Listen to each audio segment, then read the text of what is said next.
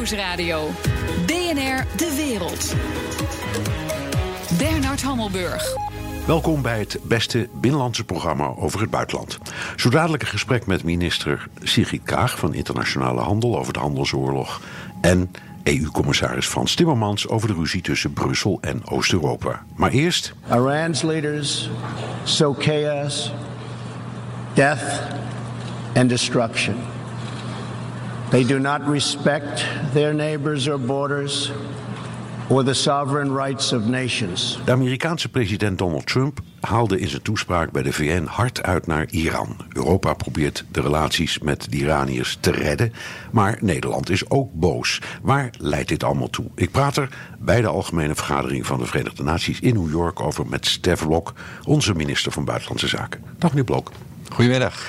Um, allereerst, u bent hier um, in een zeer multi multiculturele omgeving. Hebt u gelet op uh, de commotie over uw opmerkingen daarover? Moet u nou voortdurend onder bureaus kruipen of in hoeken verdwijnen om niet door u uh, een pak slaag te krijgen van, van uw collega's hier?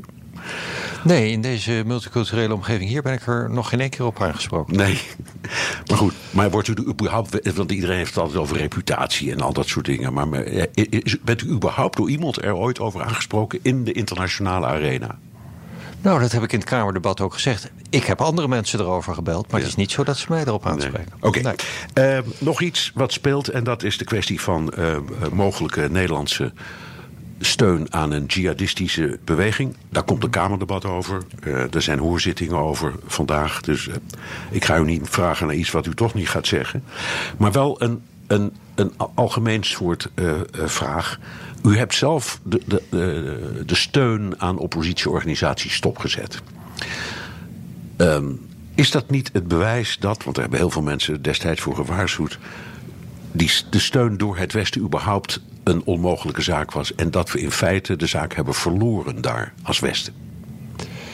Zoals u al aangeeft, daar komt nog een heel Kamerdebat over. Ik heb uh, de, de, de, Kamervragen beantwoord, alle 380. En in de begeleidende brief ben ik ook ingegaan op wat er eigenlijk speelde in 2015, toen die beslissing genomen werd. En dat goed, toen was er al een motie van, ik dacht voor de wind, die zei je moet gewoon niet doen. Geen goed idee. Ja, het, het is toch goed om eh, nog eens even terug te gaan naar het moment dat die beslissing genomen is. Want ik geef in de brief aan eh, dat uh, toezicht op wat er gebeurd is echt scherper had, uh, had gemoeten. Maar in 2015 was er een brede meerderheid die wilde ingrijpen in Syrië, in ieder geval hulp geven, omdat in 2015 daar een verschrikkelijke burgeroorlog plaatsvond. Zowel ISIS als Assad echt verschrikkelijk huishielden. Mensenrecht geschonden werd er een enorme vluchtelingenstroom op gang was gekomen. We herinneren ons de verschrikkelijke verhalen van de Yazidis die daar uitgemoord en, uh, mishandeld werden. Dus als je de verslagen over de Kamerdebatten in 2015 terugleest, dan zie je dat heel veel partijen zeiden: we moeten steun gaan verlenen in Syrië. Er was niet precies overeenstemming over aan welke groepen, maar heel veel partijen zeiden: we moeten steun gaan uh, verlenen. Dat was in Nederland zo, dat was overigens ook bij veel bondgenoten zo. Dus de vraag die u stelt is een relevante, maar het is wel goed om toch ook terug te lezen, en dat heb ik de afgelopen dagen natuurlijk ook gedaan. Hoe liep dat debat nou in ja, Nee, ik weet het. Ik heb het ook allemaal terug. En ik herinner me ook heel goed. Omdat uh, nou ja, de, de, zorg voor de Yazidis en de christen... die kwam vooral uit de, uit, de, uit de hoek van de ChristenUnie. Wat begrijpelijk is. Vandaar ook die motie voor de wind. Vol, uh, volgens mij destijds. Oké. Okay. Um, een van de hoofdrolspelers in dit verhaal is Iran. Um, Donald Trump ging in zijn toespraak tot de Verenigde Naties enorm tekeer tegen Iran. Schurken, zakkenvullers, regionale machtswellustelingen, vul maar in. Heeft hij een punt? Er is zonder meer heel veel reden om kritiek te hebben op Iran. Iran speelt in het Midden-Oosten een heel erg onverkwikkelijke rol. In, in die verschrikkelijke oorlog in Syrië, waar we het net over uh, hebben. In uh, Jemen, waar ook een verschrikkelijke burgeroorlog plaatsvindt. En eh, naast die uh, regionale rol heeft Iran uh, raketten ontwikkeld die een bereik hebben ver buiten de regio. Potentieel bedreigend, ook, ook voor Europa. En daar moeten we dus Iran op blijven aanspreken. Derde grote zorgpunt is het ontwikkelen van nucleaire wapens. daarover hebben we een aantal jaar geleden een akkoord bereikt dat Iran die ontwikkeling zou bevriezen. En daar is helaas het Verenigde Staten recent uitgestapt. Ja, maar dan krijg je, je krijgt uh, nou, een gemixt beeld. Uh, inderdaad, Amerika is uit die deal gestapt. Europa zegt we moeten er eigenlijk mee door. Dat is jammer, dat betreuren we. Dat zal u ook steunen, neem ik aan, als Nederlandse minister? Zeker, ik, ik steun niet helemaal de Europese. Maar tegelijkertijd hebt u ook uh, zelf ruzie met Iran. Ik, uh, over, uh, een, we zouden terroristen huisvesten en de ambassadeur is daar op het matje geroepen. Spreekt u daar overigens hier uw collega op aan, hier bij deze ik heb vrijdag een afspraak met mijn Iraanse collega. En dan ga ik hem natuurlijk op dit punt ook op vragen. Dus, kom met bewijs. Ja, precies, ja, oké. Maar u hebt dus uh, aan de ene kant ruzie. U zegt aan de andere kant... ik begrijp ook wel iets van de kritiek op, op Iran. Oh, ik wil toch... Dat is heel vriendelijk. Ja, er is heel veel reden voor kritiek op Iran. Maar we moeten toch doorgaan met die deal. Daar zit ergens een spagaat voor de gewone kijker, luisteraar, ik zal maar zeggen lezer, van hoe kan dat? Want of het land deugt niet, eh, of, of het deugt wel, en dan moet je ook echt ervoor gaan. Maar als je zoveel kritiek hebt, dan kun je met Donald Trump zeggen, ja, en raketten, en die enorme invloed in de regio, en uh, nou ja, een van de grootste bedreigingen die er is. Misschien heeft hij wel gewoon gelijk. In internationale relatie, in de diplomatie, is het ook wanneer er heel veel kritiek op een land terecht is, van groot belang om de relatie open te houden. En ook te zoeken naar hoe kunnen we een stap vooruit zetten. Dat is bij dat kernwapenprogramma gelukt. Je moet natuurlijk niet aan denken dat in dat kruidvat van het Midden-Oosten er een land bij zou komen, Iran in dit geval, dat de beschikking zou hebben over kernwapens. Nou ja, maar het is, maar het is volgens alle deskundigen betekent dat verdrag niet anders dan een jaar uitstel. Dus ze kunnen het niet meteen maken, maar na een jaar wel. En bovendien, dat was ook een bezwaar van Trump, het is eindig, die overeenkomst. Dat is ook niet goed. En tegelijkertijd dat uh, die overeenkomst wordt gecontroleerd door het internationaal atoomagentschap. Dat een, al een heel aantal keren achter elkaar gerapporteerd heeft. Iran houdt zich eraan. Ze gaan niet verder in de verrijking van uranium dan ze nu zijn. Dat is heel wezenlijk. Dat is ook heel wezenlijk bij een land dat, dat uh, verder zo'n ontzettend negatieve rol speelt. En het feit dat je zo'n afspraak hebt, betekent dus ook dat je met elkaar om de tafel zit en ook die andere ontzettend zorgelijke punten. Die uh, raketontwikkeling, die heel negatieve rol in uh, Syrië en Jemen met dat land kunt bespreken. Als je uh, deuren helemaal dichtslaat, dan is het risico natuurlijk ook heel groot dat er alleen maar radicalisering plaatsvindt. Ja, maar klaarblijkelijk, want u zegt, u spreekt uw Iraanse collega ook om met bewijs te komen over die zogenaamde terroristen- of spionagezaak. Maar klaarblijkelijk veegt Iran in afval Nederland op één hoop met de Verenigde Staten. In ieder geval, als het gaat om die spionagezaak, worden we eh, nogal met zware verwijten bestookt. Dat, dat geldt overigens ook nog voor Denemarken en voor het Verenigd Koninkrijk. En als je met eh, verwijten bestookt wordt, dan is het aan de, de, partij die stelt dat je iets misgedaan hebt om met bewijs te komen. Ik heb ze nog niet gezien. Nee. Uh, we praten dit jaar terecht heel veel over de Veiligheidsraad. Eh, want daar zit Nederland eh, een jaar lang in. Die periode raakt nu ten einde. En er zijn allerlei buitengewoon fascinerende onderwerpen uh, langsgekomen. Waterschaarste, meer humanitaire vredesmissie, klopjacht op uh, mensenhandelaren. Um, en de vraag is, en het is niet cynisch bedoeld, maar echt praktisch: wat komt er nou uiteindelijk van terecht? Zeker tegen de achtergrond van het soort regering dat er op het ogenblik in Washington zit. Hebt u niet het idee dat u een beetje tegen een uh, betonnen muur staat te rammen af en toe met dit soort dingen? Nou, als dat zo is, dan blijft het toch doorrammen. Omdat het zo ontzettend in het Nederlands belang is dat er internationale samenwerking is. Hier in de Verenigde Naties, maar ook in Europa. En gelukkig eh, helpt dat rammen tegen die betonnen muur ook in deze ingewikkelde tijd. Want de voorbeelden die u noemt, dat we inderdaad in de Veiligheidsraad hebben afgesproken dat mensenhandelaren uit Libië op een sanctielijst komen. Dus dat dat een bezit bevroren wordt, dat ze niet meer kunnen reizen. Dat is echt een succes. Oké, maar als ik u even mag onderbreken, dan zegt Donald Trump. Um, in zijn eh, toespraak tot uh, de Verenigde Naties hier dat een strafhof, dat is een schande. Dat zijn uh, stelletje vooringenomen mensen. Ze hebben helemaal geen uh, jurisdictie. Weg ermee.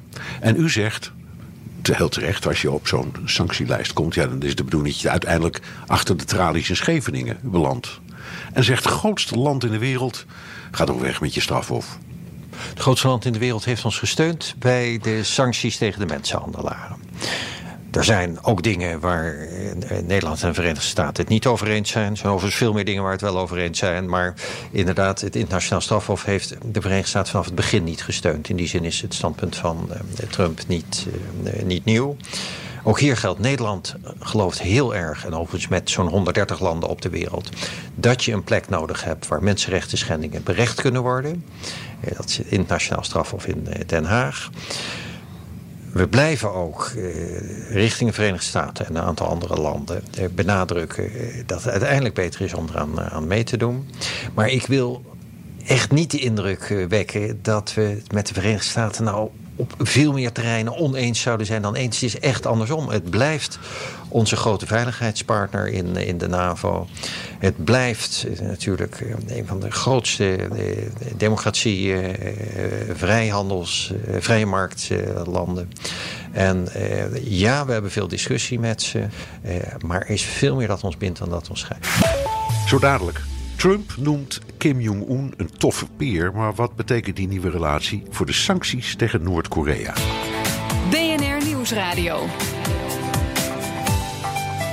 BNR De Wereld. Ik praat verder met mijn gast, Stef Blok, minister van Buitenlandse Zaken, hier bij de VN in New York. Geen rocketman meer, maar vriendelijke woorden van de Amerikaanse president Trump over Kim Jong-un. Voor nu blijven de sancties tegen Noord-Korea van kracht, maar hoe lang nog? I would like to thank Chairman Kim for his courage and for the steps he has taken. Though much work remains to be done. Meneer Blok, Noord-Korea zit nog op zijn raketten. Uh, maar de spanning van een, van een jaar geleden, zeg maar, of meer dan, uh, die zijn in af voorbij. Dus Trump heeft wel degelijk iets bereikt, toch? Nou, het is in ieder geval heel goed nieuws dat er gesproken wordt tussen de VS en Noord-Korea, maar natuurlijk ook tussen de buurlanden Noord- en Zuid-Korea. Uh, als je inderdaad terugdenkt aan iets meer dan een jaar geleden, was de situatie veel meer gespannen. Tegelijkertijd moeten we realistisch zijn. Er zijn vaker besprekingen geweest tussen Noord-Korea en de Verenigde Staten. Er is vaker de hoop geweest dat Noord-Korea zijn rakettenprogramma, nucleaire eh, programma zou beëindigen. In het verleden is dat niet uitgekomen. Nee, ja, ik weet, Madeleine Albright is er destijds heen gegaan namens Clinton. Ja. En toen hebben ze, als ik het me wel herinner, zelfs gezegd: Weet je wat, als jullie met die atoomenergie stoppen, krijgen van ons een centrale. Dat is allemaal, allemaal getekend, niks van terechtgekomen. Precies, dus, dus de, de geschiedenis eh, leert ons hier dat we heel voorzichtig moeten zijn. En dat we de sancties die internationaal zijn afgesproken ook echt moeten handhaven. Eh, dat, dat Noord-Korea geen olie mag krijgen, dat, dat voelen ze echt wel daar. Nederland is voorzitter van dat sanctiecomité.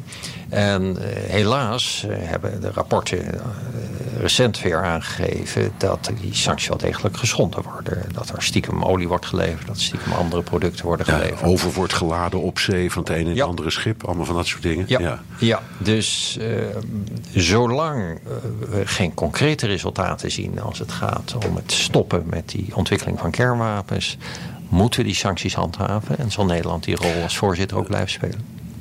Kun je zeggen dat Kim sowieso de winnaar is in dit conflict? Want hij kan nu een vriendelijke toon aansla aanslaan. Het is niet uitgesloten dat hij zelfs het woord vrede met Zuid-Korea laat vallen of vrede met de wereld. Maar hij bezit atoomwapens en hij kan er een aantal van opgeven, maar hij zal ze nooit allemaal opgeven. Ja, winnaar vind ik sowieso niet de juiste omschrijving in een eh, toch heel cynisch geregeerd land. De bevolking leidt daar enorm. En daarbovenop komt die dreiging voor een heel groot deel van de wereld door die kernraketten.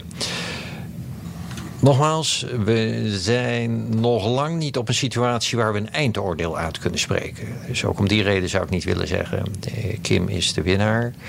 Er is hoop omdat gesproken wordt, maar echt ik wil eerst resultaten zien. Tot die tijd handhaven we die sancties. Je kan ook zeggen, uh, praten is altijd beter dan met de deuren slaan. En dat deden ze vorig jaar heel duidelijk. En enorme bedreigingen. Dus zeggen, als, je, als, je, over elkaar zegt, nou we kunnen wel met elkaar praten, is het in afval meer dan niks. Vorig jaar was echt een heel angstige situatie. Nou. Werd, werd ook echt openlijk gedreigd. Uh, dus wat dat betreft is het winst, maar nog geen concreet resultaat. Um, Eén heel belangrijk uh, onderwerp, misschien wel het belangrijkste in geval voor Nederland, is MH17. Dus daar wil ik, als het met u goed vindt, nog even over praten. Dat komt deze week uh, weer aan de orde. Uh, in, in, de zomer, begin van de zomer, voorjaar, hebt u samen met Australië namens het, uh, het gezamenlijk onderzoeksteam Rusland formeel aansprakelijk gesteld.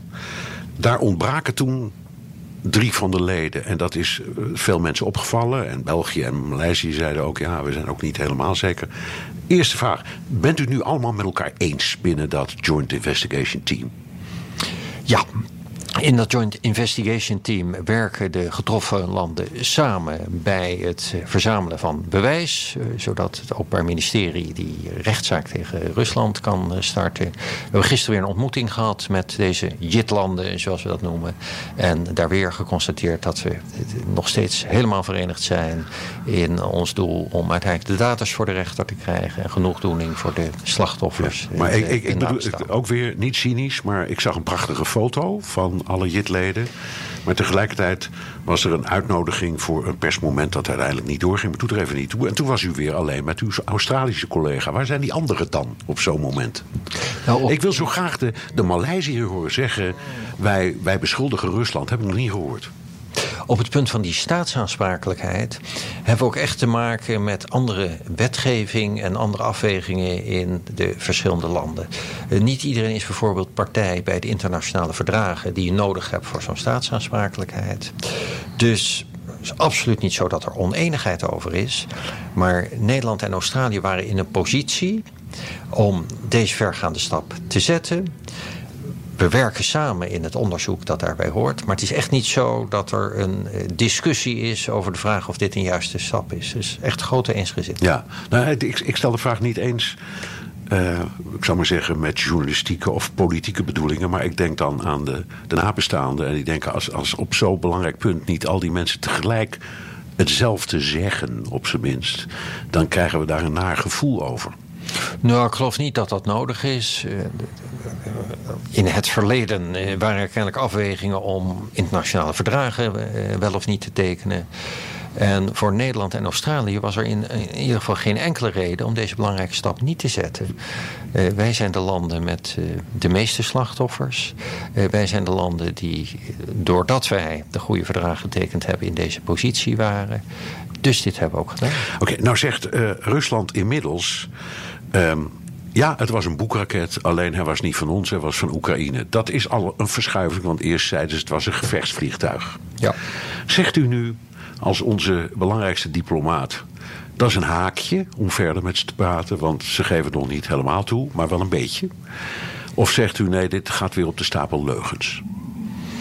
Nou, helaas hebben we eerder gezien dat Rusland informatie verspreidde die onjuist bleek. Eerder eh, hadden ze zelf als verklaring dat een Oekraïens straaljager de MH17 neergeschoten zou hebben. Dat bleek later onjuist. En ik heb ook tijdens mijn bezoek aan Rusland begin dit jaar heel nadrukkelijk tegen hun minister Lavrov gezegd: stop nou met het zaaien van twijfel over het werk van ons onderzoeksteam. Want iedere keer dat ehm, eh, dat jullie dat doen, haal je ook weer een wond open bij de nabestaanden. Nou, nu is er weer een persconferentie gegeven, eh, waarvan de precieze inhoud nog maar door de, onze onderzoekers van JIT beoordeeld moet worden. Maar tegen de achtergrond van de ervaring die we hebben met die persconferenties, eh, zijn we daar natuurlijk sceptisch over. En eigenlijk als Rusland informatie heeft, moet ze die ook gewoon aan de onderzoekers geven. En niet via persconferenties weer ruis organiseren. Dus ik heb daar eh, geen goed gevoel bij. En het past ook in de kritiek die ik eerder op Rusland heb geleverd. Op dit ja, maar goed, ik, ik, de vraag was eigenlijk heel simpel. Ze ontkende boek, nu zeggen ze boek. Er is maar één land in de wereld dat ooit boeks heeft gemaakt. Dat is Rusland. En of het nou een, een Oekraïense of een Russische was... is al een minder groot verschil van mening... dan of het überhaupt een raket was die dat toestel heeft neergehaald. Dus daarom zeg ik, als diplomaat kun je dan denken... nou, ik heb in ieder geval een haakje om verder te praten. Nou, dat verder praten is sowieso onze inzet. Hè. Bij de hebben Australië en Nederland... Eh, Rusland gevraagd om in onderhandeling te gaan over het erkennen van hun aansprakelijkheid, over het geven van genoegdoening. Eh, ik kwam eh, Lavrov hier in New York ook tegen. Ik heb ook nog een keer tegen hem herhaald. Kom nou naar de onderhandelingstafel. Eh, we moeten hier echt eh, uitkomen. En dat blijft dus wel onze volle inzet. Ja, Jan van Bentum van het Nederlands Dagblad schrijft vandaag uh, over een van de raadselen die Iswestia al in oktober 2008 heeft boven water gehaald over de Boek 1 raketten. Die waren namelijk verkocht door de Oekraïense president Yushchenko. Alle Oekraïense raketten, Boek 1 raketten, want daar gaat het om, aan Georgië. En waren dus allemaal ontrokken aan het 223ste raketregiment, waar die dingen volgens de Russen vandaan kwamen. Maar dat kan dus niet, want ze waren allemaal verkocht tot grote woede overigens van de Russen. Uh, is dat iets wat in uw argumentatie zit? Kent u dit verhaal? Ik heb het gelezen. Ook hiervoor geldt, het is aan het uh, onderzoeksteam om uh, dit te onderzoeken. Maar ik gaf al aan dat in het verleden Rusland uh, onjuiste informatie heeft verspreid over de, wie er nu achter het neerschieten van de MH17 zaten. deze informatie moet goed onderzocht worden, maar geeft in ieder geval voeding aan het gevoel dat nieuwe Russische informatie ook wel weer eens onjuist zou kunnen Nee, nou ja, een collega van Bente van het Nederlands Dagblad heeft niet stilgezeten. Klaarblijkt dat echt een enorm onderzoek gedaan. Uh, nog één dingetje erover. Uh, ik, meestal krijg je een obligaat antwoord als je het vraagt. Ik stel de vraag toch. Bent u tevreden over de manier waarop de Amerikanen helpen? Want ik vind ze in deze hele kwestie vaak erg stil. Bij de MH17 uh, volmondig ja direct eh, na de aansprakelijkheidsstelling door Australië en Nederland hebben de Amerikanen weer heel duidelijk gezegd: wij steunen jullie. Het is voor ons ongelooflijk belangrijk dat op het moment dat we zo'n stap zetten, toch twee relatief eh, kleine landen tegenover het grote Rusland, dat dan direct grote invloedrijke landen, dat is de Verenigde Staten bij uitstek, zeggen wij vertrouwen het onderzoek van Nederland eh, en Australië. En wij staan dus achter ze bij die aansprakelijkheidsstelling. Ja. Dat helpt enorm. Oké, okay. nou, dat is goed om te horen. Dank. Stef Blok, minister van Buitenlandse Zaken. Nieuwsradio. DNR De Wereld.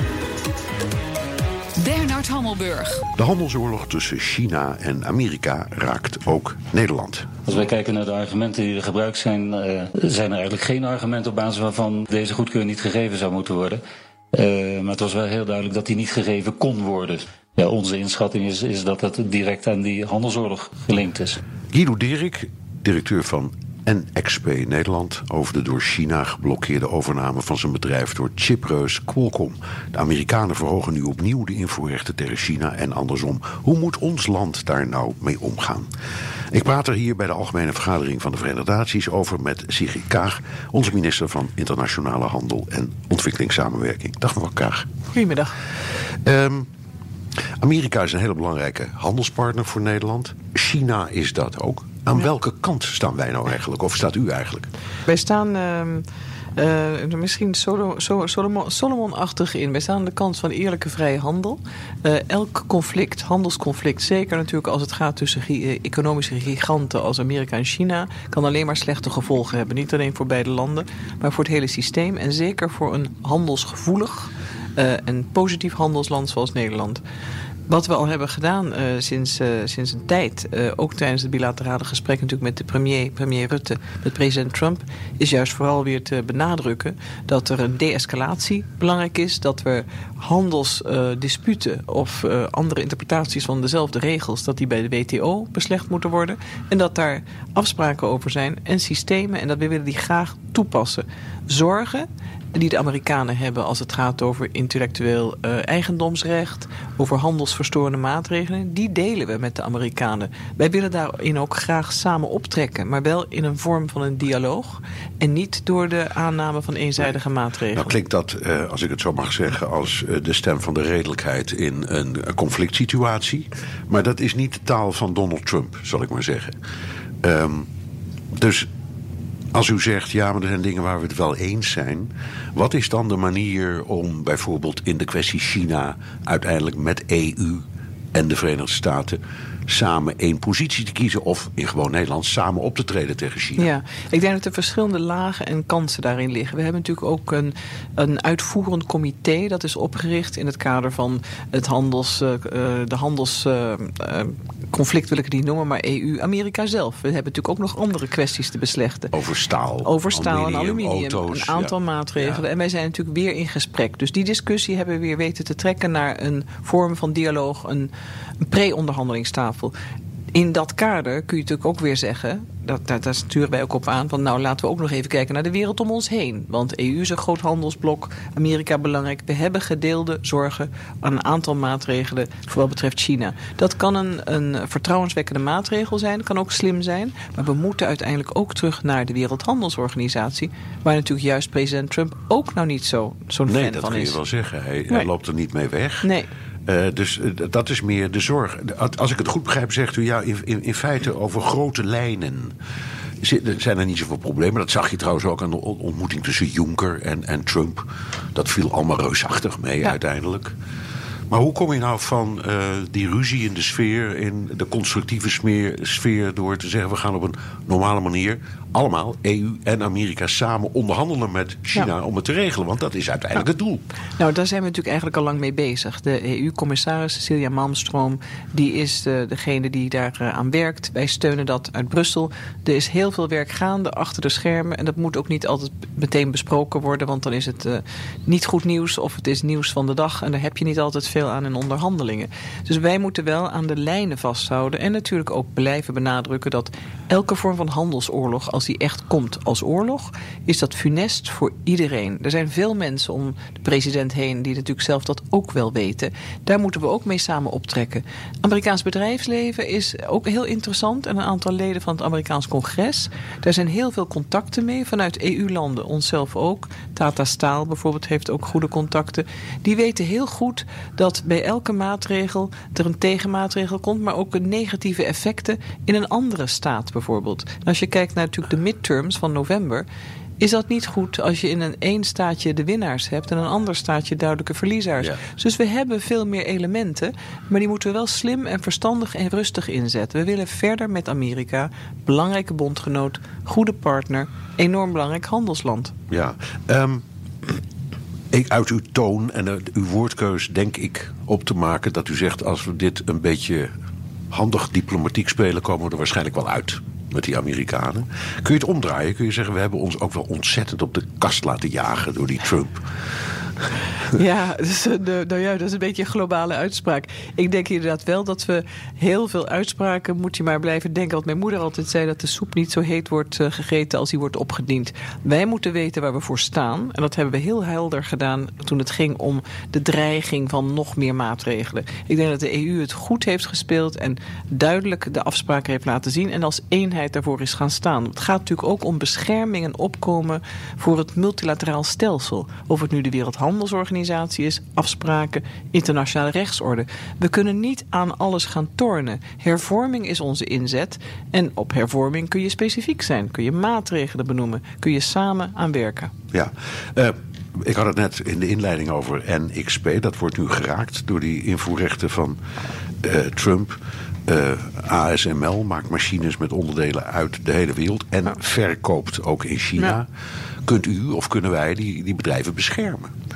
Directe bescherming niet. Op een gegeven moment als het gaat, uh, zoals bij staal aluminium, heeft de EU gekozen. Dus conform Wereldhandelsorganisatie spelregels voor uh, herbalancerende maatregelen. En de andere tegenmaatregelen die hangen nog boven de markt. Die waren klaar voor het geval bijvoorbeeld op, op de auto-industrie additionele maatregelen zouden zijn uitgevoerd.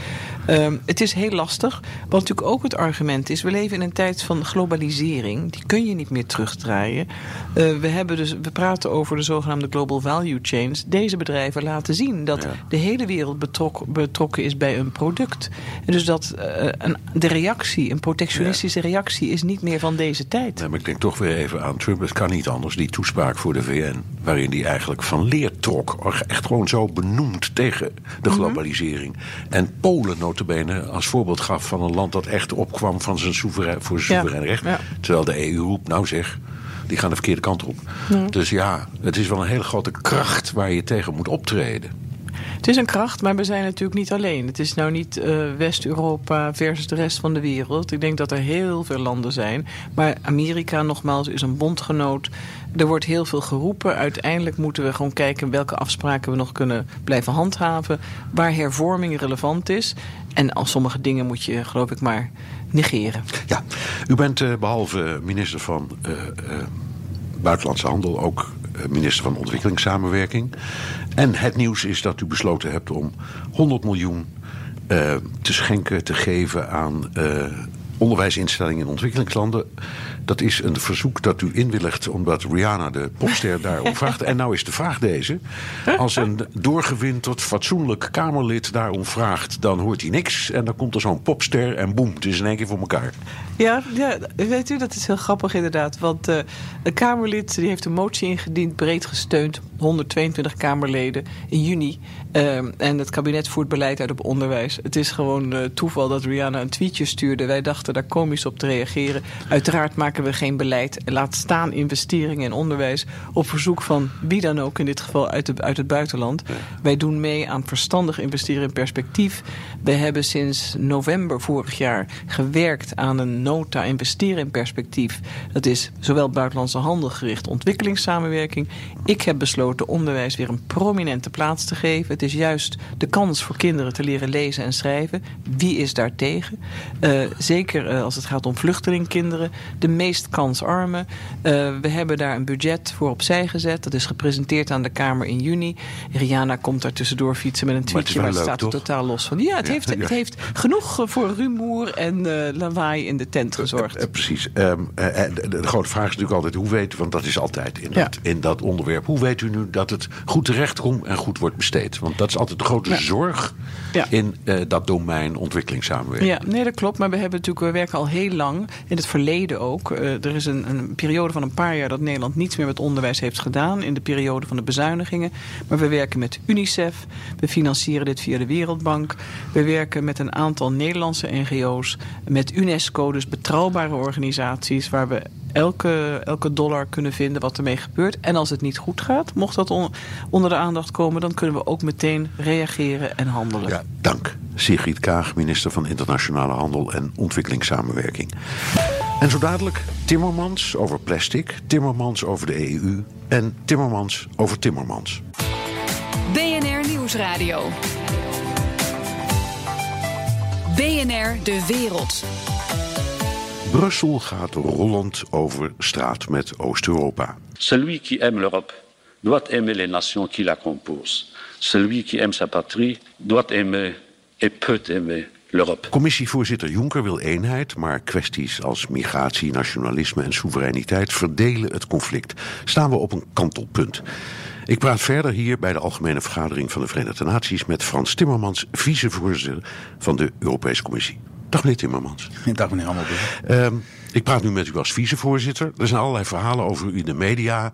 Lijsttrekker voor uh, de Partij van de Arbeid in het Europarlement. Of misschien Juncker willen opvolgen. Of misschien verlenging of iets heel anders. Vertel. Nou, wat ik het liefste zou willen is uh, uh, deze termijn uh, vervolgen met nog een termijn in de Europese Commissie, omdat het werk half af is. Zeker wat betreft het anders gaan werken, het concentreren op hoofdpunten en het uh, vermijden van zaken die we niet hoeven te doen. Ook als het gaat om het migratievraagstuk, nog lang niet af. Ook als het gaat om de veiligheid, om het vervolmaken van uh, de bankenunie. Het zijn allemaal zaken waar ik nog graag uh, vijf jaar aan door zou willen werken. Ja, en, uh, maar dat kan wat u betreft net als vorige keer gewoon weer een benoeming zijn. Dat hoeft niet via zo'n ingewikkelde constructie van lijsttrekker. Want ja, bovendien zou, dat, u, dan zou u ook nog Paul Tang in de weg zitten. hoe, ja. dat, hoe dat allemaal in kannen en kruiken komt. dat, kijk, er zijn verschillende factoren die hier een, een rol spelen. dit is wat ik graag zou willen. Maar goed, het moet voorgedragen worden ook door de Nederlandse regering. Die moeten dat dan ook willen. Die ja. Misschien ook andere plannen. Uh, en vervolgens zullen we zien hoe het gaat. Oké. Okay. Um, een onderwerp waar u zich al een tijd lang druk voor maakt... en ook hier druk voor hebt gemaakt, is dat plastic afval. Ja. Um, en um, het is misschien een hele rare vraag, maar hier bij de VN worden het bijna nooit ergens over eens. Ja. Is dit nou zo'n onderwerp waarvan u denkt, daar heb ik nou een kans mee? Ja, absoluut. Omdat ook meer dan 80% van de Europeanen wil dat we hier iets uh, aan doen. Ik weet hartstikke zeker dat als we dit vijf jaar geleden hadden gezegd... bijvoorbeeld, we willen plastic rietjes uh, verbieden... dat men dan had gezegd, heb je niks beters te doen. Maar nu ziet men dat die plastic rietjes... Hè, die je in een paar seconden produceert, die je een paar minuten gebruikt... en vervolgens honderden jaren nodig hebben om uh, weer te verdwijnen uit het leefmilieu... die plastic rietjes zijn een probleem. er worden overal uh, dieren gevonden die sterven omdat ze hun maag vol met plastic hebben zitten. Uh, ook netten van vissers die blijven hangen. We moeten echt dringend iets doen en er is heel veel steun okay, voor maar de u zegt, Ik zeg, binnen de EU begrijp ik, denkt u, ik krijg ze wel mee, maar u bent hier bij de VN, 193 landen. Een heleboel landen denk ik, ik heb wel wat anders aan mijn hoofd. Nou, dat, dat is dus niet zo. Uh, sommige Afrikaanse landen zijn al zelfs al verder dan Europa. Rwanda is een land met de schoonste straten van Afrika. en daar hebben ze ook plastic vaak verboden.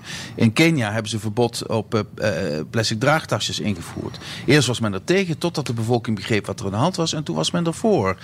In Azië begint het nou ook heel hard te lopen. We hadden gisteren ook heel veel Chinese belangstelling voor wat we doen. Dus nee, dit is echt een, een, een onderwerp dat mondiaal leeft. Nog het minst in de Verenigde Staten. Dat vind ik ontzettend jammer. Ja, ja, daar valt nog wel een. Uh, hier in New York valt nog wel een streepje te halen. Ja. Hoewel ze hier wel van die prachtige grote vuilnisbakken hebben op elke hoek. Daar kunnen wij weer wat van leren. Ja, maar dan mieteren ze alles in zonder het van elkaar uh, dat te is scheiden. Waar, dat is waar. Oké, okay. um, u hebt uh, hier bij Columbia University in New York een toespraak gehouden, indrukwekkende toespraak over Europa. En het was een somber verhaal.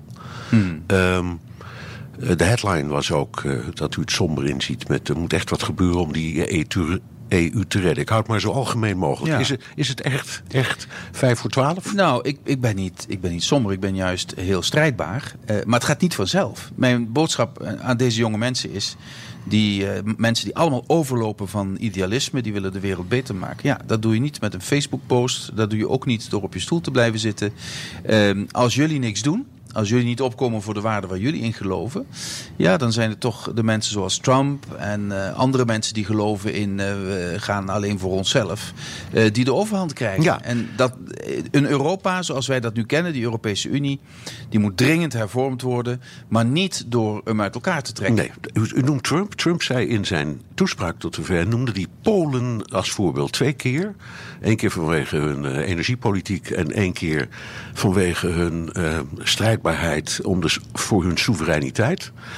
En dan denk ik, ja, maar ik hoor nou juist van Frans Timmermans dat uh, dit eigenlijk een van de meest kwalijke staten is. Ja, dus kijk, wat, hoe, even, eerst, ja. hoe reageerde u toen u dat hoorde van Trump? Ik was niet verbaasd.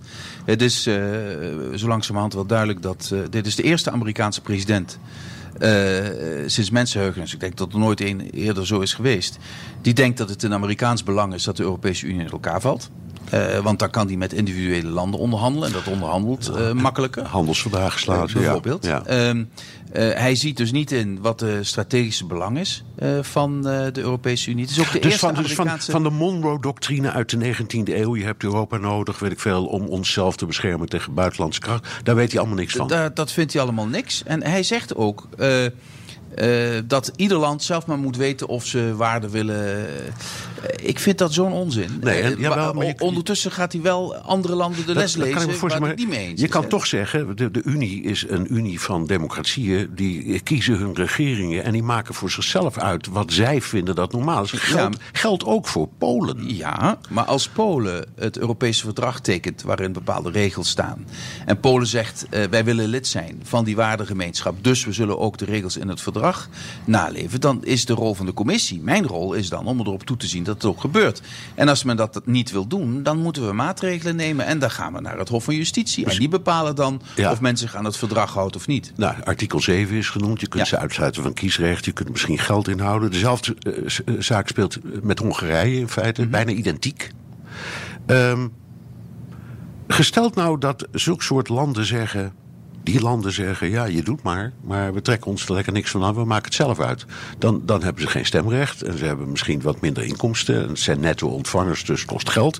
Maar daar stopt het verhaal toch? Verder kunt nou, u niks. U kunt ze er niet zij, uitzetten. Dat, dat, lijkt, dat lijkt allemaal zo dat ze dat allemaal kunnen zeggen. Maar vergeet niet dat in beide landen de overweldigende meerderheid van de bevolking wil gewoon lid zijn van de Europese Unie.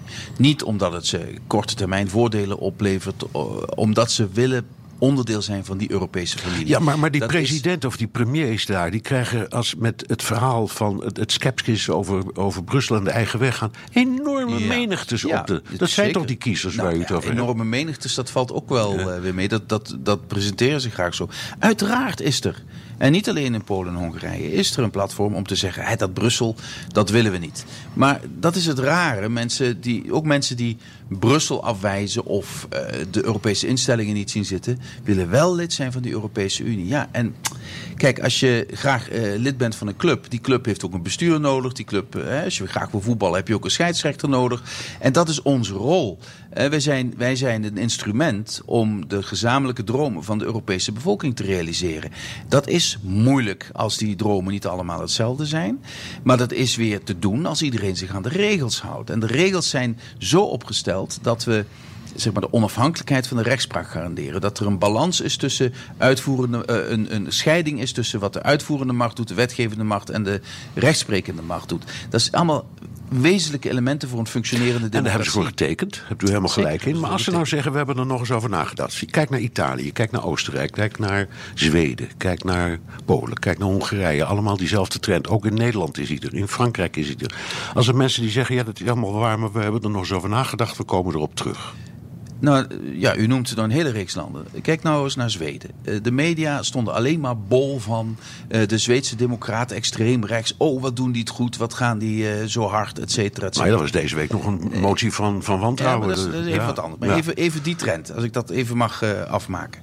Uiteindelijk hebben ze nog geen 18% van de kiezers achter zich weten te krijgen. Dat wil dus zeggen dat 80% van de kiezers heeft een andere keuze gemaakt. En dus, Oostenrijk, dus, eh, Italië. Oostenrijk, Oostenrijk begint met een hele grote mond. Deze, zelfs deze coalitie met de FPE erin wil in het hart van de Europese Unie eh, eh, blijven. Italië begint met we gaan al de Europese regels eh, schenden. Zelfs deze coalitie zegt we gaan ons aan de begrotingsregels houden van de Europese Unie. Dus de soep wordt soms heel heet opgediend, maar nooit zo en- warm. En dus de redelijkheid wint uiteindelijk in uw het, redenering. ja. ja. de stem van de redelijkheid wint. Maar ik, ik hoor zoveel twijfel, ook in die toespraak, dat ik denk, nou, Frans Timmermans twijfelt er zelf ook een beetje aan of dat ik, zo is. Ik, ik heb als eerste gezegd, aan het begin van mijn mandaat, toen ging er ook een schok door Nederland toen ik het zei. De Europese Unie is niet onverwoestbaar. De Europese Unie kan kapot gaan. Als we niet op de Europese Unie passen, als we haar niet koesteren, als we haar vooral niet hervormen, want ze moet dringend eh, hervormd worden, dan kan ze wel eens kapot gaan. En als u dat wil, prima. Maar het lijkt me niet verstandig. Dat is mijn pleidooi. Ja, en na alles wat zich nu voltrekt, uw bijna persoonlijke gevecht met de Polen en de Ja, Hongaren, ja. denkt u ook daar kan ik uit, uit, uiteindelijk, we, Brussel, het idee van de democratie zoals wij die ons voor- voorstellen, daar kan ik uiteindelijk de slag winnen? Ja, want het punt is, ik kan dat niet winnen alleen. Brussel kan dat niet opleggen. De Europese instellingen kunnen dat niet doen. Maar die landen moeten het zelf doen. En in die landen is een hele grote groep mensen die dat wil. En daar heb ik vertrouwen in. Die landen zullen in meerderheid besluiten: wij willen lid zijn van die waardegemeenschap en wij zullen ons aan de regels houden. Dank, Frans Timmermans, vicevoorzitter van de Europese Commissie. En tot zover BNR De Wereld. Terugluisteren kan via de site, de app, iTunes of Spotify. Tot volgende week.